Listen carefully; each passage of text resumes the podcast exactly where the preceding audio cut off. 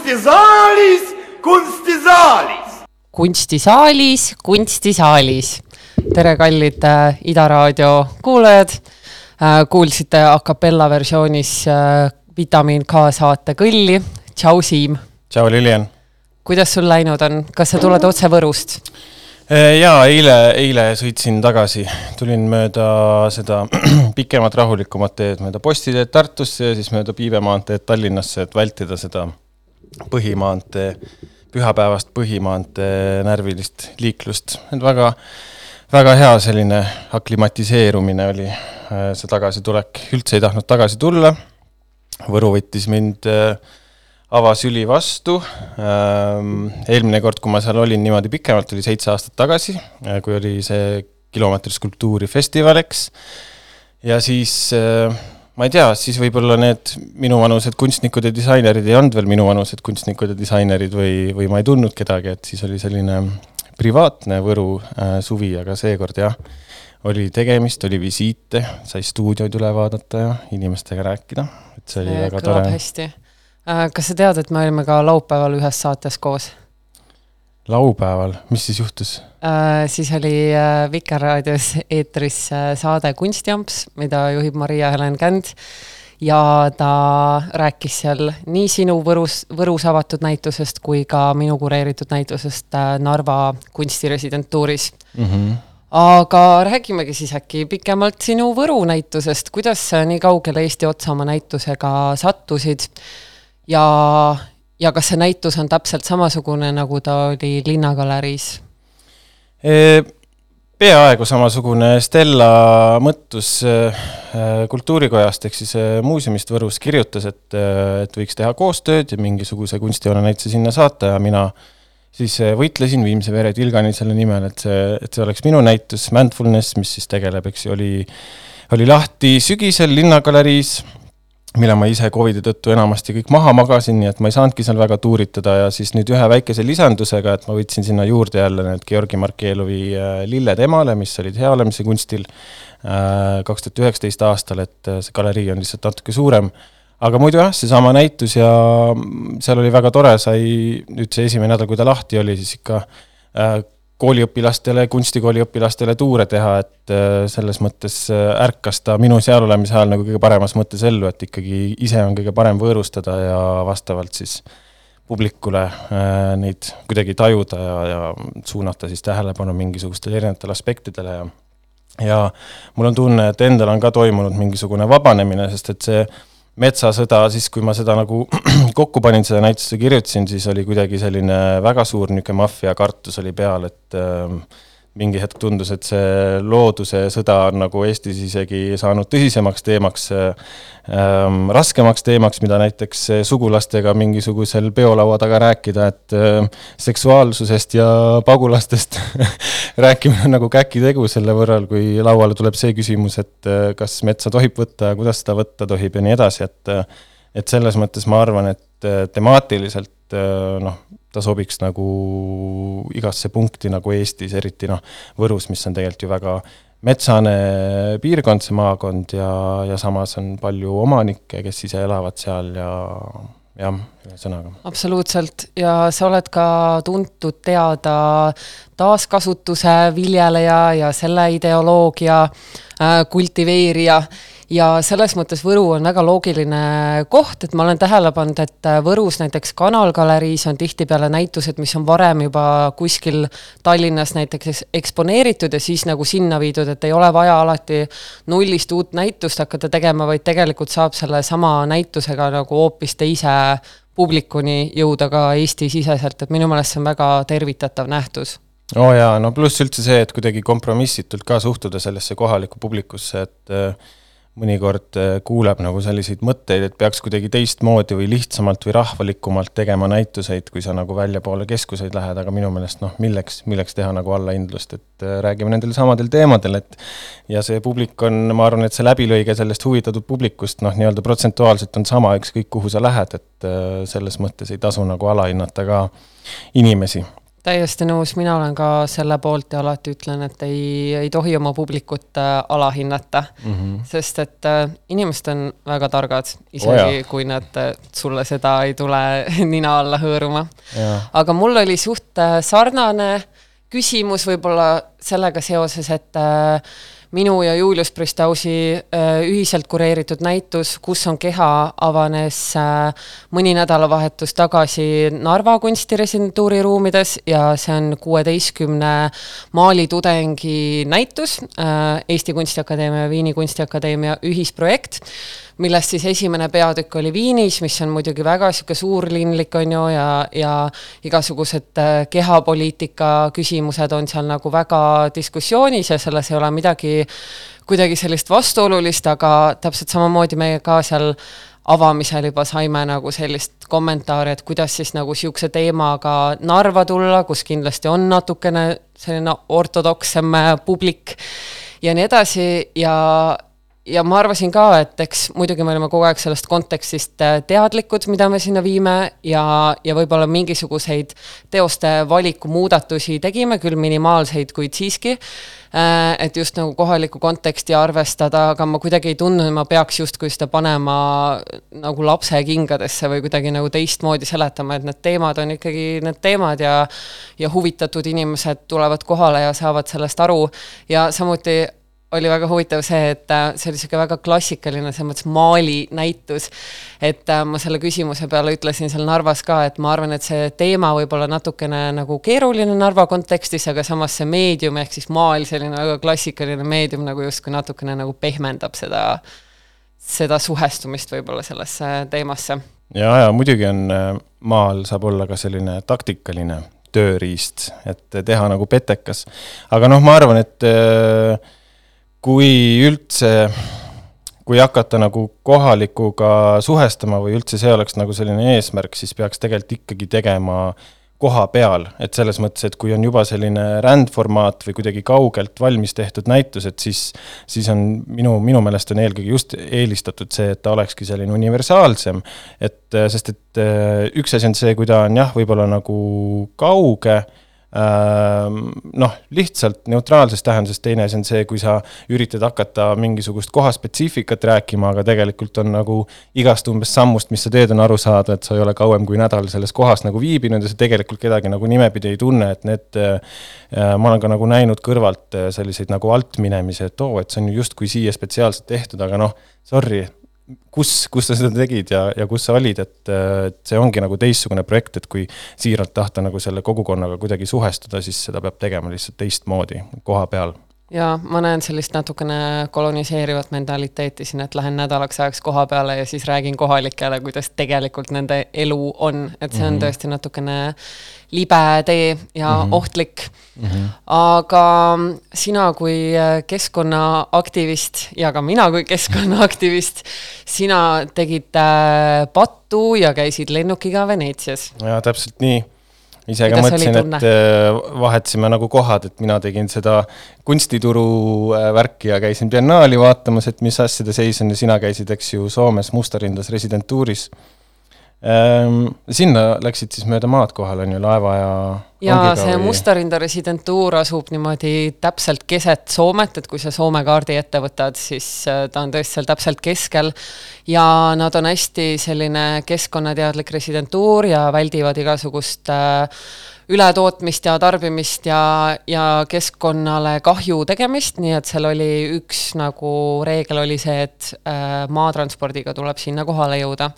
ja ma reisisin Tallinnast sinna koha peale kolmteist tundi mm. -hmm. kaks tundi siis laevaga ja seitse tundi äh, rongiga ja siis veel bussiga ja siis lõpuks veel autoga ka, nii et see oli niisugune mõnus äh, journey. ja peaks ütlema, et tegelikult see, kuigi see aeg tundub nagu väga brutaalne, siis see oli mõnus ja ma olin palju väsi-, vähem väsinud kui siis, kui ma näiteks lennukiga kaks tundi mm -hmm. reisin mm. -hmm. et see, et sa ikkagi oled kogu aeg maa peal, sa näed aknast välja, sa saad äh, rongis ringi kõndida, sul on nagu mingi teatud vabadus, et see on lihtsalt nagu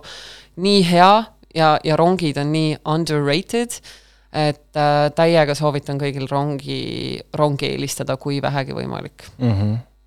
nojah, mina ma arvan, et viimane kord ma lendasingi vist kolm aastat tagasi eelmisele biennaalile, et äh, see Veneetsia jääb lihtsalt nagu sellest äh, raadiusest nagu välja, mis ma endale joonistanud olen, umbes kakskümmend neli tundi Euroopas, siis Tallinn, Tallinnast alates, on ju. Ja ta mingist piirist alates tegelikult ongi see, et äh, mööda maad äh, tegelikult ta ei tule enam säästlikum, kui sa ikkagi pead väga palju erinevaid transpordiliike kasutama, sa pead ööbima, sa pead sööma kogu aeg seal vahepeal ja nii edasi, et äh, et äh, teatud noh, ma arvan, et see ongi nagu ma, iseküsimus on see, et kas me peaksime Veneetsias nii palju käima, kui me käime, on ju, aga et, et kui sa juba nii kaugele lähed, siis kindlasti see oli Wizz Airi otselend, on ju paksult rahvast täis topitud, vähemalt sinna lennates ja otse kohale, et see on nagu kõige ökonoomsem viis üldse lennukiga lennata. Aga ma kuidagi ka äh, mõtlesin selle peale alguses, et äh, ma tundsin endas nagu mingisugust niisugust nagu elevust, et äh, kas lennukid on samasugused ja umbes midagi niisugust, et et vahepeal siin paar aastat nagu ainult kõrvalt kuulnud neid lugusid, kuidas, kuidas lennatakse, aga noh, muidugi kõik oli täpselt samasugune, aga ma arvan, et see paus nagu mõjus mulle endale nagu hästi, et vahel, vahel nagu juhtub, et see iga päev pakendi koju vedamine ja, ja siis see sundolukord, et kuhugi saab ainult lennukiga, võib nagu hakata kuidagi masendust tekitama, aga see paus kuidagi andis nagu võimaluse, et umbes esimene õhtu käisin seal väljas ja siis istusime, jõime spritsi, jah, ühesõnaga, siis, siis vaatasin neid inimesi enda ümber, ümber ja tundsin ainult seda, et vaata, näed, need on kõik sõbrad ja sugulased ja muidu toredad inimesed kindlasti ja neil on ka siin õues sama tore olla kui mul, et sellist nagu äh, selle meeletu turismi sellist nagu ängi ei tulnud veel peale, aga äh, ma ikkagi tundsin just tagasi tulles seda, et mingisugune nagu pöördumatu mõistmine on minus tekkinud tänu sellele, et ma olen Mandri-Euroopas mööda maad liikunud, et näiteks Berliinis käimine on tavaliselt ühe Poola ööbimispausiga reis ja see tähendab seda, et kui sa sealt hakkad tagasi tulema, või noh, ükskõik kummas suunas sa liigud, et siis enamasti on umbes niimoodi, et esimene päev on nagu see äh, kodu mahajätmise või selle äh, alguspunkti mahajätmise päev ja siis teine päev sa juba saad hakata mõtteid korrastama ja nagu ootama seda, kuhu sa saabud, et et Veneetsiast tagasitulek oli selline, et sa ähm, ühesõnaga, see väljend on selline, et et äh, vaim jääb maha, et keha jõuab kohale, aga vaim jääb maha, et et olid umbes nagu Tallinnas oma kodus, ei saanud üldse aru, mis, mis toimub, et ma just olin kuskil mujal ja, ja ma mõtlesin ka selle peale, et, et vaata, nii palju tegelikult kirjutaksegi lende ja sina ka kohe selle, selle musterinde kogemuse pealt nagu oskad kohe öelda, et sulle see meeldib tegelikult rohkem mm., on ju, et mõtle, kui palju inimesi tegelikult paneb ennast nagu kuidagi enda teadmata sellesse ebamugavusolukorda mis tegelikult on see, et see teleporteerumine või see niisugune pidetu ühes, ühes kohas kadumine ja teises kohas ilmumine ei ole meile nagu loomukohane. jaa, see on paraku selline kosmopoliitse kapitalistliku inimese kuvand kuidagi ja mentaliteet ja see, mida meile nagu söödetakse ka sisse, et see ei ole nagu ainult kuidagi meie enda isiklik probleem, vaid see on nagu üleüldine, see on niisugune mentaliteedi probleem ka, aga mulle meeldis see, mida sa mainisid, et et see ökonoomselt reisimine ei ole nii lineaarne, et alati see ei tähenda, et et lennuk oleks halvem, et kui sa need kulud kokku lööd, et mina olen nagu ka selle peale mõelnud ja see on väga tore, et sa selle välja tõid, et ikkagi sa pead nagu igasse nii-öelda reisi suhtuma selles mõttes individuaalselt, et need kulud ikkagi läbi arvutama ja noh, muidugi ka rahalised kulud, aga ka tõesti selle, et kui sa siis keskkondliku, keskkonnasäästlikult reisid, et kas siis ikkagi tuleb soodsam keskkonnale mm -hmm. teha seda autoga või siis on ka variant, et vahel tõesti tuleb lennukiga soodsam. Nojah, ja see on üldse ka küsimus sellest, et kui palju tegelikult üks inimene peaks nagu reisima, et me sünnime ühte perre ja ühte koju ja kas, kas see niisugune pendeldamine ongi tegelikult loomulik, et lihtne näide on see, et teed, eks ju, Võrus teed äh, tuure ja siis on Johannes Säre paberlennukimasin ja siis äh, umbes giidina kirjeldad seda, et mis on see lendamise tunne ja kui palju seda inimesed teevad ja siis järsku esim-, esimese kahe tuuriga saab sulle väga selgeks, et äh, väikses Võrus ei ole see üldse nii iseenesestmõistetav, et mm. isegi kui sa oled teismeealine või ka näiteks keskealine inimene, et sa tegelikult oleksidki kordagi üldse lennanud ja see oli ka natukene niisugune ebamugav olukord, et sa oled võib-olla harjunud sellest nagu Tallinnas rääkima niimoodi, et noh, me ju kõik teame, aga tegelikult mm. see ei ole, see ei, see ei pruugi üldse nii olla. Ja mõtle, kui kaua võrulasel võtab üldse nii-öelda see esimene Lennujaama. samm, et ta nagu Jah. lennujaama jõuab, on ju, et ta juba nagu saab seda hinge hakata maha jätma sinna Võrru ja niikaua, kuni ta Tallinnasse sinna lennujaama jõuab, et kindlasti see suhtumine ja arusaam lendamisest no mõtle üldse, hoopis midagi muud. et bussiga Võrust Tallinnasse versus äh, otselennuga Veneetsiasse mm. -hmm. sa saad kiiremini Tallinnast Veneetsiasse, kui sa saad Võrru, et see on ka juba hea või umbes sama kiiresti, et see on nagu hea mõõdupuu sellele, mis see, kui ebaloomulik tegelikult see nagu keha jaoks see kulgemine on ja ega auto ja bussiga reisimine ei ole ka mingisugune jala käimise kiirusel. aga kaua sa olid Mustarindes? ma olin seal äh, täpselt kuu aega ja ma lõpetasin seal oma magistritöö kirjutamist ja see oli lihtsalt imeline, sest et jah, muidu ma olen ikka niisugune nii-öelda patune, ma reisin oma töö tõttu väga palju, väga tihti lennukiga, ja, ja üldse mu igapäevatöö on nagu suhteliselt hektiline äh, ja lihtsalt nii hea oli kulgeda sinna ja lihtsalt keskenduda ühele asjale. Ja ma tundsin, kuidas mu nagu vaim virgub ja, ja kuidas mu mälu näiteks paraneb, sellepärast et mul ei ole mingit viitesadat asja korraga, mida mm -hmm. ma pean meeles pidama. et äh, kellel vähegi võimalus, siis ma väga soovitan igasugused residentuuri kogemused äh, ette võtta, see oli minu esimene residentuur mm -hmm. üldse jah, mina ei ole ka siiani residentuuris käinud, aga ähm, ka see nii-öelda piiride kehtestamine või et see jah, tegutsemise kiirus vastaks nagu kuidagi keha kiirusele, ma arvan, see on mingi asi, millega ma väga palju üritan tööd teha. Veneetsia seest äh, noh, kuna ma seal käisin ja siis mm -hmm. meil on siin kunstisaade, võiksime kunstist ka rääkida No siis tegelikult siis. äh, päris äh, huvitav tunne on see, et muidugi kolm päeva on jätkuvalt sellise meganäituse vaatamiseks nagu vähene aeg, et ükskõik kui hästi üks selline näitus kureeritud on, siis jääb ikka õhku see küsimus, et kes on see ideaalne inimene, kelle jaoks see kõik on mõeldud või kas me üldse olemegi mõeldud külalistena seda kõike nagu läbi vaatama, aga kuna see põhi, Cecilia Alemani kureeritud põhinäitus, kus siis eh, umbes üheksakümmend protsenti tegelikult osalevatest kunstnikest olid naised, et see on huvitav, et esimest korda see järelmõju või see järelmulje äh, kaldub pigem põhinäituse kui paviljonide poole, et muidu on ikka see, et see põhinäitus on kuidagi selline hästi intensiivne,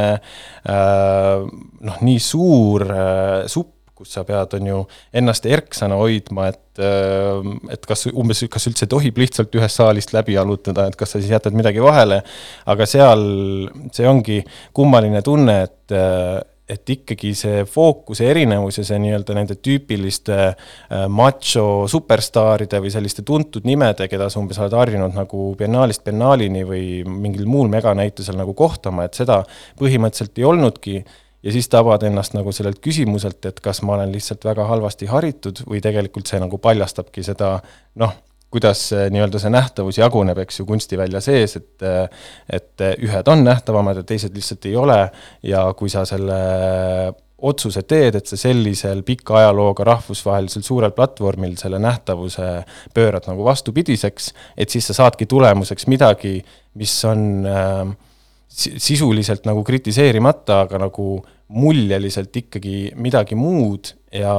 noh, see oli, see oli tõesti kummaline, sest et näiteks Arsenale on ju, mis on selline pikk-pikk koridor ja tavaliselt kuidagi hästi täis pikitud ja selline klaustrofoobne, siis sellel näitusel ta jättis nagu üllatavalt avara mulje ja kuidagi need teosed ja need praktikad, mis olid esile toodud, nende laad oli ka pigem selline noh, ma ei tea, ei taha seda kuri, kuritarvitada seda sõna, aga kuidagi pehmemad või tolerantsemad te, teineteise suhtes, et et see tervik isegi seisukohtade paljususes kõlas nagu paremini kokku, kui võib-olla nagu varasematel aastatel ja mulle on ka kuidagi sotsiaalmeediast ja uudistest mulje jäänud, et see peanäitus on see aasta tõesti väga tugev ja lausa nagu kutsub vaatama, et mitte sellepärast, et ma pean minema Veneetsiasse, vaid sellepärast, et see tundub reaalselt hea näitus. ja mis on veel oluline, ma arvan, ära mainida, on see, et Veneetsia biennaali viiekümne seitsme toimumiskorra jooksul on ainult viis naiskura-, või tähendab, Cecilia Alemani on siis viies naiskuraator üldse, kes seda kureerib, ja esimene Itaalia päritolu mm -hmm. naiskuraator, kes seda kureerib. et selles mõttes ma arvan, et see fookus on igati loogiline ja, ja see kindlasti, see näitus vajas nii-öelda niisugust ümberpööramispunkti mm. -hmm. ja üks huvitav asi veel, ma kuulasin ühte Artneti podcast'i nimega The Art Angle, kus oli intervjuu Cecilia Alemaniga ja seal, millele ma tegelikult enne ei mõelnud, aga sa kuidagi nagu vihjasid ka sellele, et see näitus oli seekord hästi nagu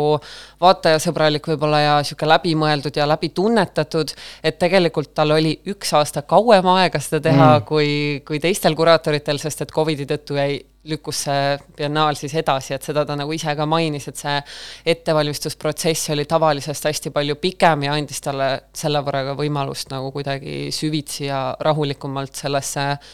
sellesse teemasse minna ja seda on väga hea kuulda, et, et see reaalselt peegeldub ka selles näituses mm. -hmm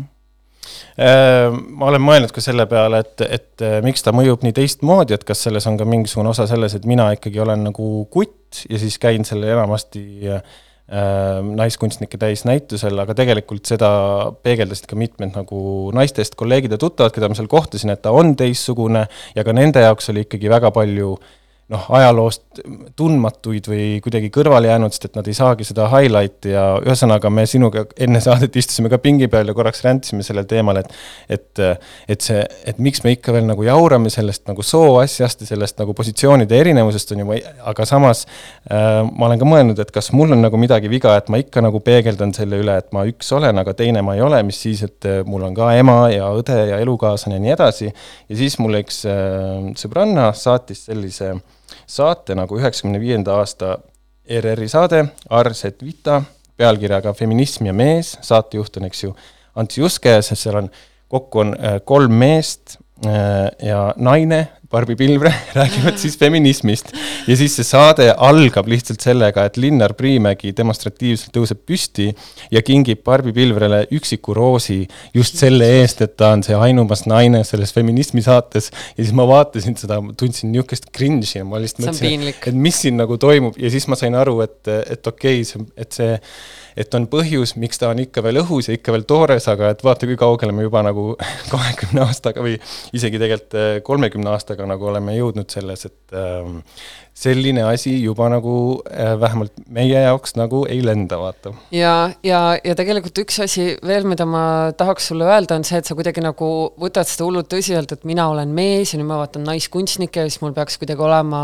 mingi hästi eriline mingi tunne või positsioon või kuidagi nii, aga tegelikult see macho mentaliteet kunstimaailmas ja üleüldiselt ka, see on ka naistel, et see ei ole see, et see, et mul on äh, ma ei tea, teatud privaatkeha osad, see tähendab, et ma nagu automaatselt olen feminist või, või kuidagi nagu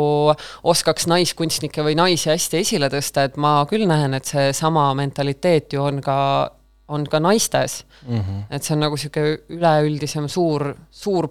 pundar probleemi mm, -hmm. mida me siis loodetavasti siin äh, oma generatsiooniga natukene kuidagi lahendame. et ühesõnaga lähed biennaalile, pole midagi näinud, loed, et äh, mina kui esimene Itaalia naine annan platvormi sellele ja siis sa mõtled, et kas tõesti ainult selline see, et kas, kas nii lihtne püstitus saabki olla ja kui sa jõuad kohale, siis tegelikult äh, fakt on see, et ta mõjub teistmoodi ja see järelikult on lünk. aga mm, mis meil nüüd siis meie selline muljetamine saab läbi ja meil tuleb terve teine saatepool, mille sa oled meile ette valmistanud. teises saatepooles on äh, minul külas äh, kuraator ja kirjutaja Margaret Tali, kellega me räägime tema kureeritud äh, näitusest Keerulise mälu teemal Äh, ja see näitus on praegu üleval Vilniuse kunstimuuseumis ja enne olnud äh, Riias ja loodetavasti tuleb ka Tallinnasse, eks seda Margaret ei julgenud mulle veel lubada, aga loodetavasti tuleb. nii et äh, kuuleme natuke lähemalt, et mida tähendab keeruline mälu ja, ja kuidas nende teemadega siis kunstiväljal tegeleda mm. -hmm ja ma arvan, et selle saatetunni võiks äh, lõpetada ikkagi väikse meeldetuletusega, et Venemaa algatatud sõda Ukrainas on endiselt in a full swing ja kõik, kellel on võimalust, siis palun jätke see Starbucksi latte ostmata ja kandke kas või kaks eurot enda lemmik heategevusorganisatsioonile. Kui teil ei ole ühtegi mõtet, siis minu väga lemmik on selline Instagrami konto, konto nagu Kiev Angels ja see on grupp selliseid äh, noori aktiivseid inimesi, kes siis vastavalt kohalike soovidele siis käivad poes, ostavad ravimeid ja muid vajaminevaid asju, kaasa arvatud siis ratastoole ja ma ei tea, kurki, peeti, mida iganes parasjagu kohalikel vaja on. ja eelkõige nad keskenduvad just äh, vanematele inimestele, sellistele üksikutele ja natukene marginaliseeritud äh, võib-olla nagu jah, niisuguse väiksema sissetulekuga inimeste aitamisele, nii et see on tõesti väga südamlik ja ja hea, hea platvorm, kuhu annetada. on sul endal ka mõni soovitus?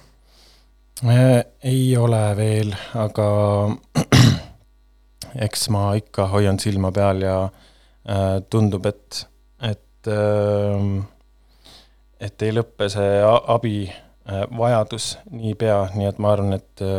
varem või hiljem ähm, pean ka mina otsesemalt õla alla panema ma saadan sulle Kiev Angelsi PayPali lingi teeme nii aga kuulame ühte muusikapala, mille Margaret Tali siia saatesse kaasa võttis ja näeme juba mõne minuti, kuuleme juba mõne minuti pärast. ja minu poolt tšau. tšau.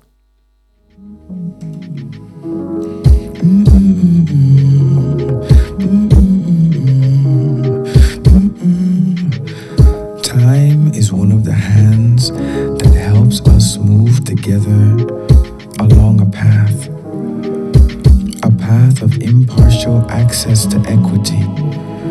the right to have my microphone at the same volume as yours, and in my hands at will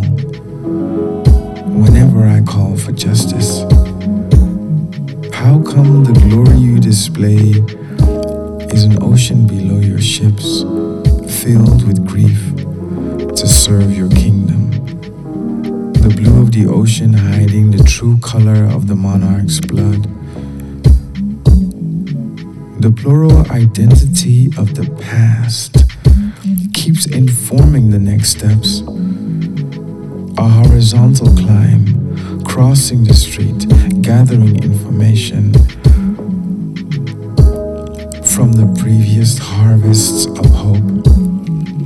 studying the previous ladders of legal exclusion only motivate the colonized life even more to overcome and gather black words from a white dictionary to speak today. Growing up behind the blindfold of justice, houses built on plantation purgatory masked as paradise here we must cultivate angels with the power to break chains, with saved seeds from the fruit of our martyrs, our mothers, the names on our uniforms who are not honored with street names in rich neighborhoods. The segregation has shifted, gentrification has been gifted. Survive, survive is the only hymn we sing as we mourn the sunshine and the streetlights that highlight the dry blood painted on the pavement. Who are forced to die, cruel and cold, they are displayed on the world's biggest stage we call. The news only picks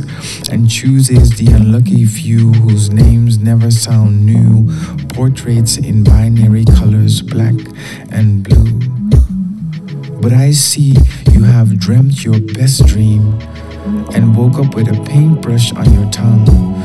and a pen in your fist. Every day before you eat, you speak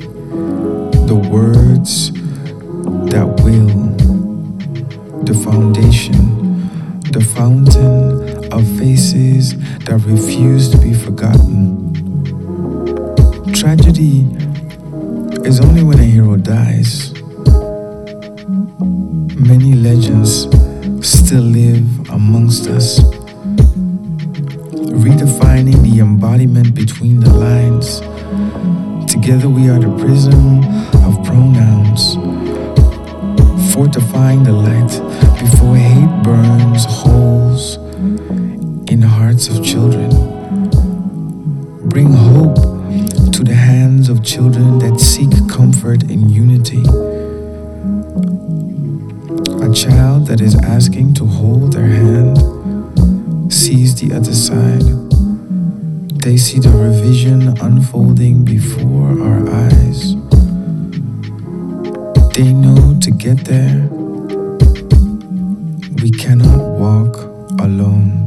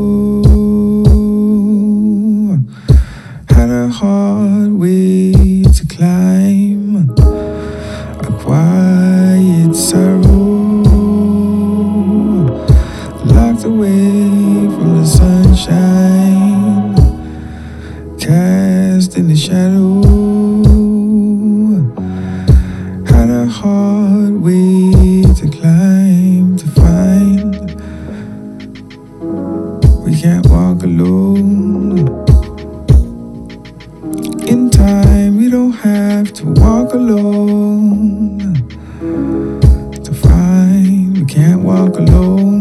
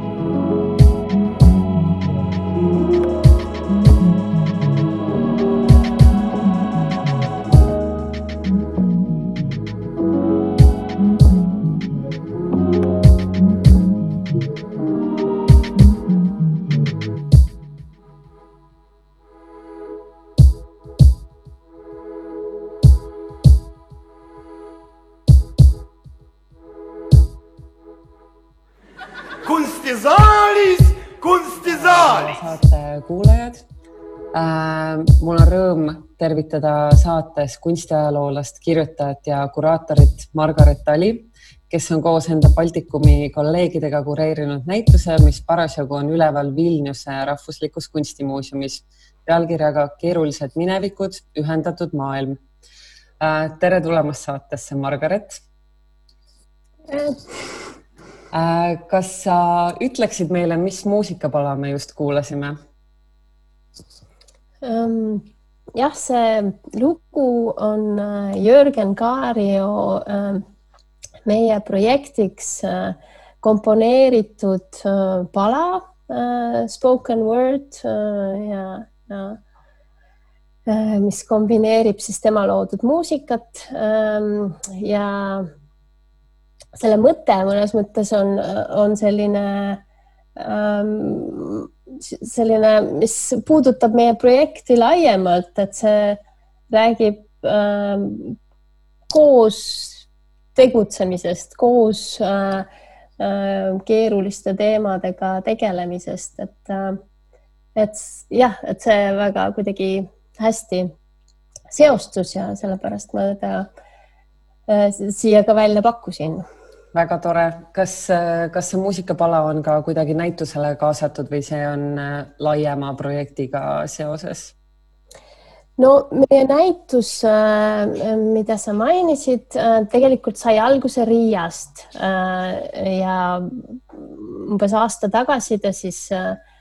või juba poolteist aastat tagasi ta ava, avasime kõigepealt selle siis Riia kunstimuuseumis ja selle avamisüritusel meil oli üks sümpoosium ja selleks Jörgen Kaario selle, selle muusika peale lõi, nii et otseselt mitte Vilniusega näit-, Vilniuse näitusega seoses, aga, aga küll selle varasema versiooniga mm. -hmm, sest et see projekt on ju, see näituse projekt on ainult üks osa sellest suuremast projektist, mis sul käib juba alates kaks tuhat kaheksateist aastast ähm,. aga võib-olla alustuseks sa võiksid avada natukene terminit äh, keeruline minevik ja keeruline mälu, äh, mis on äh, selline põhitermin seda näitust vaadates, et millises kontekstis seda enim kasutatakse ja võib-olla ka mõni näide, mis selle alla kindlasti ei kuulu no võib-olla ma läheneks sellele selle meie näituse kaudu, äh, sest äh, äh, sest see on jah, see kandev mõte ja kandev idee meie näitusel. Ähm, ja see on ka minu uurimustööga seotud, aga, aga selleks, et natukene äh, siin äh,, siin fookust hoida äh,. Äh, me Ehm, alustasime siis Baltikumi ajaloo uurimisest ehm, minu äh, kolleegi ja hea, hea sõbra Jeva Stahovskaga ja püüdsime siis leida, kuidas, mis need viisid võiksid olla, kuidas, kuidas seda ähm, seda minevikku ja meie, meie jagatud kogemusi esile tuua. Äh, ja ja sealt, sealtkaudu äh, siis jõudsime me selle äh, keerulise mineviku teemani äh, ja sellise küsimuse sellise püstitamiseni äh,. ja näituse pealkiri on siis keerulised minevikud jagatud või, või ühendatud maailm et, et selle, mm, see võtab, ma arvan, meie eesmärke väga hästi kokku, et ühelt poolt me tegeleme sellise kohaliku ajalooga aga, ja otsime viise, kuidas seal, kuidas seda avada. Aga teisalt me äh, oleme püüdnud alati ähm, leida neid kokkupuutepunkte, siis Läti, Leedu, Eesti ähm,, meil on ka Poola ja ähm, Ukraina kunstnikke siis, siis leida sellist ühend, ühendusi ja, ja kokkupuutepunkte, et, et vaadata seda, seda jagatud ajalugu natukene komplekssemalt ähm,. ja, ja ka äh, seostuma, seostuma seostuvalt, rohkem seostuvalt, seostuvalt. Äh, sest tihtipeale vaadatakse seda sellises rahvuslikus äh, raamis ja, ja noh, ajaloo, ajalugu, eks see on laiem protsess ka meie ümber, et me otsime neid seoseid. Äh, aga mm., aga selline rahvuslik raam on jah, kunstiajaloo kirjutuses vähemasti väga selline dominantne olnud pikka aega mm. -hmm. ma ikka veel jätaks sind selle keerulise mineviku termini küsimusega rahule, sest et miks ma seda küsisin, on see, et meie sinuga oleme äh, sa oled mulle ühte loengut andnud ja ma enam-vähem tean, mida see keeruline mälu endast kujutab, aga võib-olla just, et laiemale raadiopublikule ka seletada, et, et mida see termin endas kätkeb, et kas see on pigem selline Äh, kuidas seletada selliseid sõjakuritegusid ja, ja koloniseerimist ja, ja kas seda üldiselt kasutatakse nagu selle, nendest teemadest rääkimiseks ja, ja et kuidas need sellised ajaloolised vägivaldsed protsessid mõjutavad tänapäeva inimesi ja, ja rahvuse identiteeti ja, ja kollektiivsust. kas see on nii või, või see tähendab ikkagi midagi muud? No mõnes mõttes jah, selle ümber on nagu teoreetilisi muidugi äh, äh, teoreetiline uurimustöö ja, ja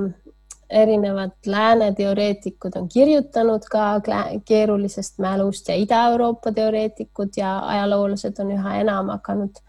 äh,, hakanud sellest äh,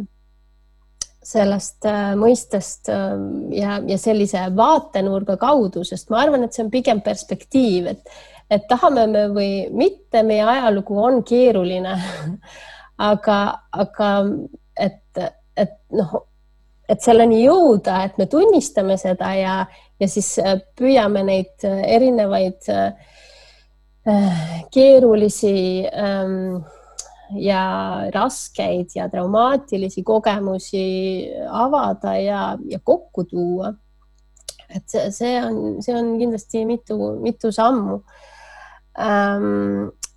noh, mina võtsin selle, selle mõiste keeruline minevik ühelt äh, Kanada äh, teoreetikult äh, Roger Simonilt, kes on, on kuidagi teadlikumalt ähm, nii oma uurimustöös kui kureeri-, kuraatori projektides siis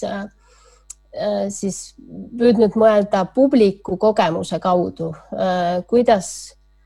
kuidas selliseid keerulisi kogemusi avada, mis, mida siis kuraatoritena selleks, mis selle juures tuleks arvestada ja, ja kuidas seda teha eetiliselt, vaatajasõbralikult, mitte nii, et, et need kogemused nagu äh, langeks meie peale siis näituse külastajana ja, ja siis äh, Äh, see oleks nagu selline suur ja raske laviin mm, -hmm. vaid äh, pigem ikkagi leida sealt mingisuguseid hetki, mis, mis õpetavad või annavad nagu viise, kuidas teisiti mõelda ja ja noh, ta räägib ka lootusest, et, äh, et ka lootuse andmine ja tuleviku vaatamine on, on oluline osa ja. selle juures absoluutselt ja mina panin ka tähele sellel näitusel, et äh, lisaks sellistele tõsistele intervjuudele ja otsesele mineviku reflek reflektsioonile on seal ka teosed, mis käsitlevad teemat võib-olla natukene mängulisemalt või mitte nii otseselt, et näiteks Anastasia Sossonova teos koodimisest, mis on selline alternatiivne meditsiinipraktika või siis vormiliselt väga eriline animatsioon Ülo Pikkovilt nimega Kehamälu et võib-olla sa võiksid nendest teostest natukene lähemalt äh, rääkida või kuidas need asetuvad selle keerulise mälu konteksti mm? -hmm. Äh, Anastasia Susunova, äh, Leedu kunstnik, ähm, tõepoolest ähm, võttis siis oma vaatluse alla selle kodeerimise, ma tõlgiksin eesti keelde mm -hmm. praktika. Äh, ja, ja selle, äh, see on siis Nõukogude Liidust pärit alternatiivne ravipraktika, mida kasutasid paljud siis kaheksakümnendate lõpus. ja see vastandus mõnes mõttes sellisele, sellisele Vene väga Ähm, problemaatilisele mm, tervishoiusüsteemile äh, ja, ja noh, inimesed, kes äh, tihtipeale ei leidnud äh, sellest tuge ähm, ja mm, ja kes maadlesid alkoholismi või, või ka ähm, ähm, või ka äh, teistsuguste pahedega teistsuguste pahedega, ütleme nii, äh, siis, äh, siis jõudsid selleni. ja, ja noh, Nõukogude ajal ta oli siis ametlikult aktsepteeritud, siis kui,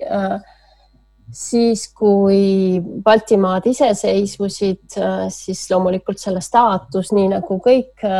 paljud Nõukogude aegsed teadmised siis aegusid ja sellel ei olnud nagu kohta enam. Aga sellegipoolest ta on leidnud nagu erasfääris, eh, erameditsiinisfääris oma koha. Eh, ja, ja selle, mm, seda, sellele praktikale siis Anastasia oma töös ja, ja ka keskendus ta päris kaua mõtles sellele, et kuidas,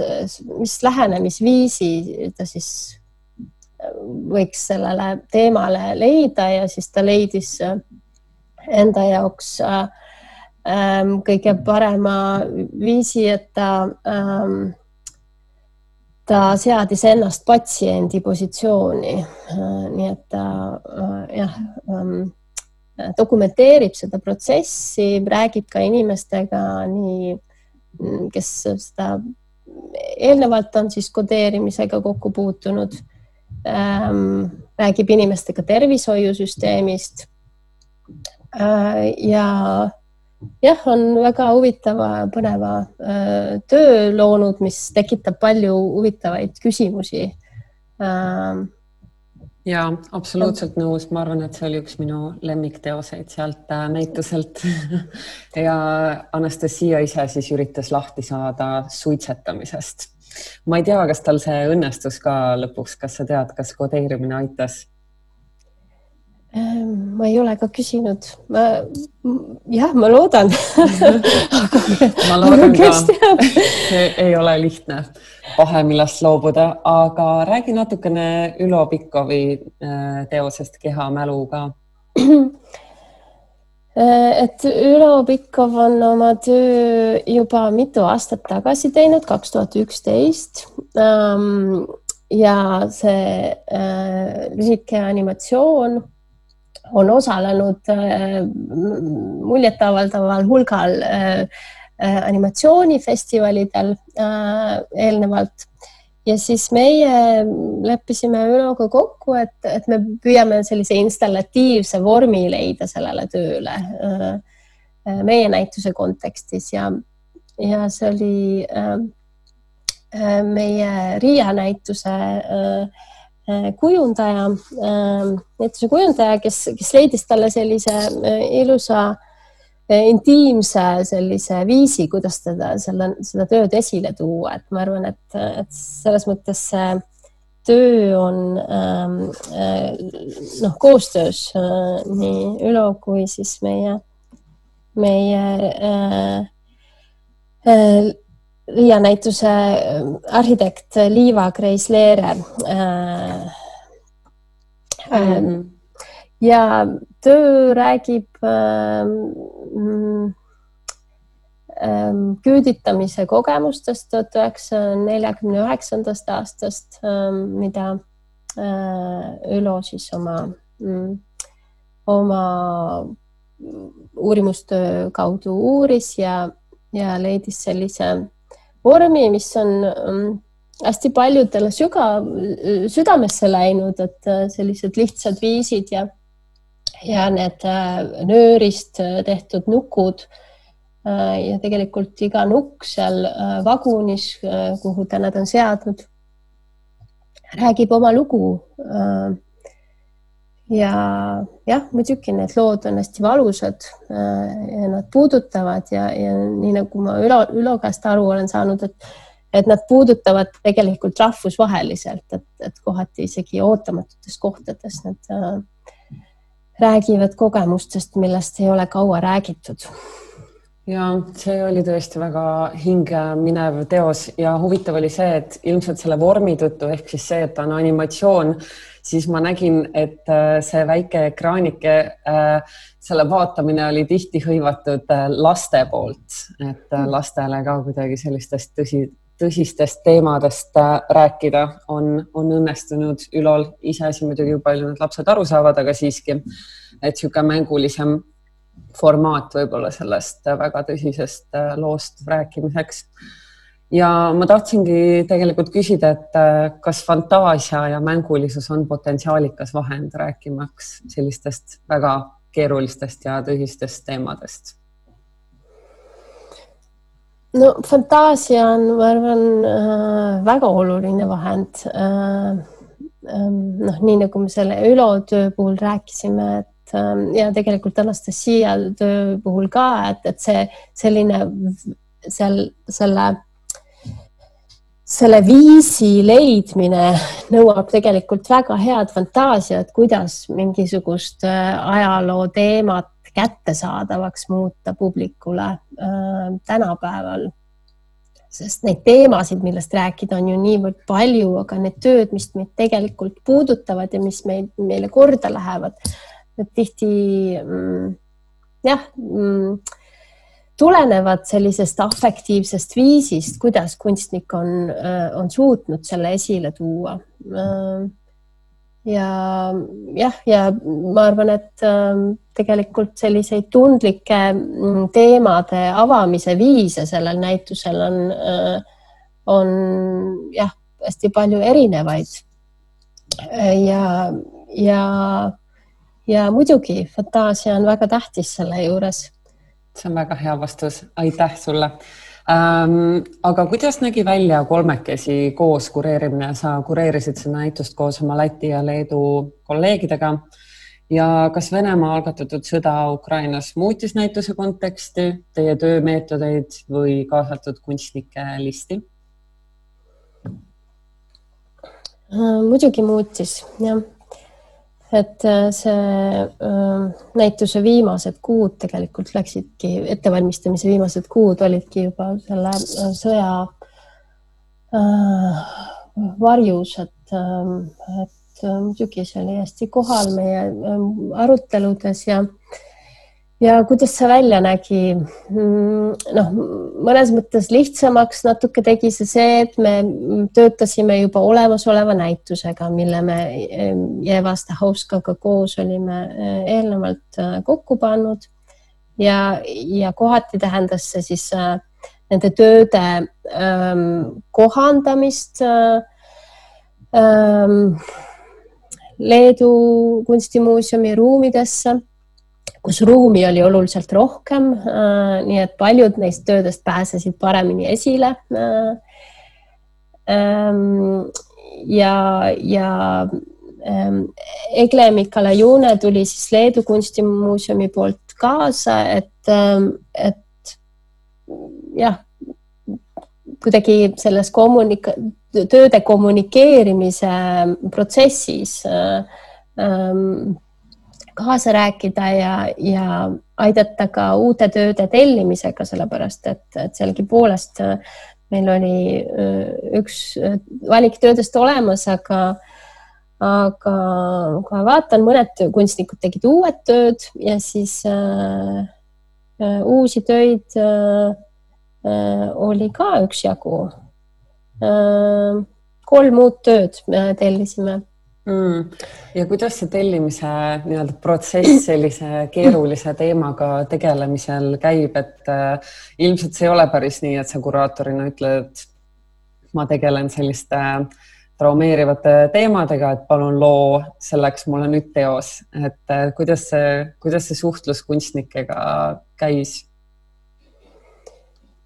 No kuna meie projekt on pikem, äh, siis äh, mõnes mõttes selle meie, meie pikema projekti üks eesmärkidest oli ka leida need kunstnikud ja, ja luua selline kogukond selle projekti ümber. ja, ja see kogukond ei, ei ole kaasanud ainult äh, Baltikumi kunstnikke, vaid tegelikult noh, Ida-Euroopast laiemalt äh, muuhulgas kuraatoreid ja humanitaarteadlasi äh, erinevatest valdkondadest. Ähm, nii et äh, äh, ja me oleme korraldanud suvekooli siis Kuldigas Lätis ja ja ühe sümpoosiumi, mis rääkis vaikuse prismadest Eesti Kunstiakadeemias paar aastat tagasi ja, ja selle käigus me oleme ka avaldanud kaks publikatsiooni või õieti üks nendest on alles ilmumisel, et, et see Baltic Worlds äh, ajakirja erinumbri äh,, erinumbrisse kirjutasid paljud kunstnikud äh, ja kuraatorid. ja, ja siis Memory Studies ajakirjas on nüüd kohe-kohe juunis ilmumas üks teine, järgmine publikatsioon. Nii et, äh, et nende diskussioonide käigus, mida me oleme loonud äh,, äh, me oleme leidnud need kunstnikud, kellega koostööd teha äh, ja, ja rääkinud palju ka vaikusega tegelemise ja selle avamise viisidest. Äh, ja, ja mõnes mõttes need tööd on tegelikult loodud väga pikaajalise sellise diskussiooni käigus, osa sellest diskussioonist on toimunud siis avalikel üritustel ja teine osa siis, siis meie omavahelises suhtluses äh, enamasti Zoomi teel mm. -hmm. jah, et ähm, ja, ja kui sa küsisid enne, et kuidas sõda on mõjutanud, et kas see kunstnike äh, valikut on, et siis otseselt ei ole, et need on tõesti pikaajalised koostööd kunstnikega ja, ja noh, Leedus me oleme küll rääkinud, et, et publikuprogrammidesse kaasata kunstnikke ja ähm, ja tegelemaks siis äh, Ukraina äh, põgenikega koha peal. Ähm, ja meie, meie kunstnike nimekirjas oli juba ähm, Lätis äh, siis kaks Ukraina kunstnikut, kes praegu Poolas resideeruvad, Liia Dostlijeva ja Andrei Dostlijev mm. -hmm see näitus on nüüd olnud Riias ja Vilniuses, kas on plaan ka Eestisse mõnda kunstiinstitutsiooni sellega jõuda? no ma väga loodan, et see õnnestub meil, aga see ei sõltu ainult meist, nii et,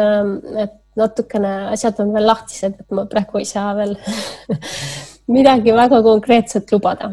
no ootame põnevusega uuendatud infot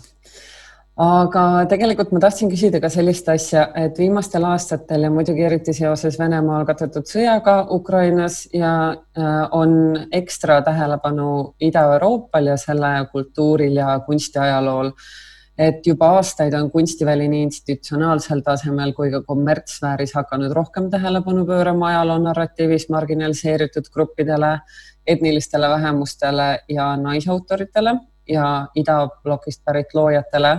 Et näiteks lõi New Yorgi muuseum äh,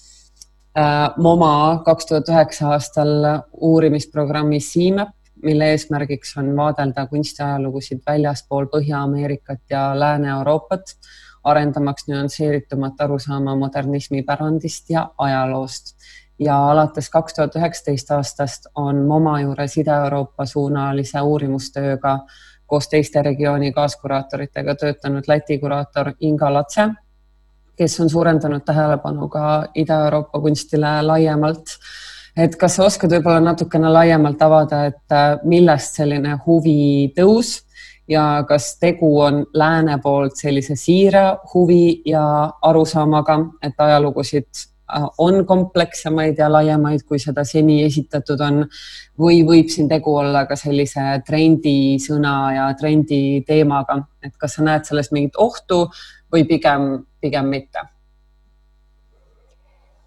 mina näen seda ühe arenguna, et, et Ida-Euroopa kuraatorid on pääsenud äh, sellisele positsioonile, et neid võetakse tõsiselt partneritena ja et, et äh, kuidas öelda, et, et me hakkame jõudma sinna, et mitte ainult lääne kuraatorid ei, ei kureeri Ida-Euroopa kunsti nagu alates üheksakümnendate algusest on, ähm, on olnud dominantne praktika, vaid, äh, vaid et ka, ka Ida-Euroopa kuraatorid äh, saavad kaasa rääkida. Ja, ja, ja siis noh, üha enam selliseid selliseid näitusi äh, on esile tulnud, äh, kus selle narratiivi siis loovad äh, inimesed, kes tunnevad seda regiooni väga hästi. et see on hästi positiivne areng. ja muidugi lisaks oma huvile ka Teit on hiljuti ju ju ostnud Anu Põdra tööd näiteks äh, ja, ja ka seal on selline fookus äh, Ida-Euroopa kunstil suurem, et et ma arvan, et tegelikult äh, noh, nii nagu meie näitusegi, näituse kontekstiski äh, äh kahjuks äh, Ukraina sõda on muutnud need teemad üha, üha selliseks äh, äh, selliseks ähm, olulisemaks äh,. ja, ja ma loodan väga, et see huvi jätkub ja võib-olla suureneb äh,. Ähm, jah, saame näha ma, ma loodan ka, sest et äh, ja see on väga hea vaade, mis sa välja tõid tõesti, et Ida-Euroopa kuraatorid on kuidagi hakanud nagu lääne kaanonisse sisenema täieõiguslike kuraatoritena ja neid ei vaadata kuidagi enam kui mingit eksootilist liiki, vaid ikkagi nad on oma ekspertiisiga väga olulisel kohal tänaseks. Ähm, ja sinu äh, näituse Tuules ja samal teemal on sinu ja Eva Astahovska ühiselt kirjutatud artikkel How to talk about cultural trauma uh, through art or working with the difficult pasts uh,. artikkel kättesaadav MoMA veebilehel uh,. soovitan teemast huvitatutel väga artiklit lugeda ja selles artiklis on lause, millega võiksime intervjuu otsad kokku tõmmata uh,, mis on järgmine kui me ei saa minevikku muuta, võime vähemalt tunnistada selle mõju olevikule ja töötada käesoleva aja parandamise nimel. Kas sa tahad seda kuidagi reflekteerida või edasi arendada, seda mõtet? jah, see parandamise mõte ähm, või ravi äh,, ravi mõte äh, tuli sellelt Läti näituselt tegelikult ja äh,, ja jah kuidagi see mul jäi sealt ka äh, kõlama, et, et mida me siis ravime, et kas me ravime oma minevikku või me ravime iseennast. Ja, ja mõnes mõttes äh, see, see, ähm, see uus situatsioon, mille, mille Ukraina sõda meile on loonud, tegelikult on kuidagi selgeks muutnud, et me ei saa ühte ilma teiseta teha, et need ongi, me peamegi nendele lähenema koos. Et võib-olla jah, ja sellest räägib seesama Jörgeni lugu ka, millega me alustasime, et et, et see jah, selle ma lisaks siia juurde veel. aitäh sulle, Margaret Tali, et äh, tulid saatesse. Äh, Margaret Tali kureeritud näitus Keerulised minevikud, ühendatud maailm Vilniuse Rahvuslikus Kunstimuuseumis on üleval kahekümne kaheksanda augustini. Soovitan kõigil naaberriiki külastada, ise ka tegin seda häbiväärselt äh, suure intervalliga nüüd. Äh, aga aitäh sulle, Margaret ja äh, raadiokuulajad, minge Vilniusesse ja Riiga vaatama näituseid ja Äh, vitamiin K on eetris juba kuu aja pärast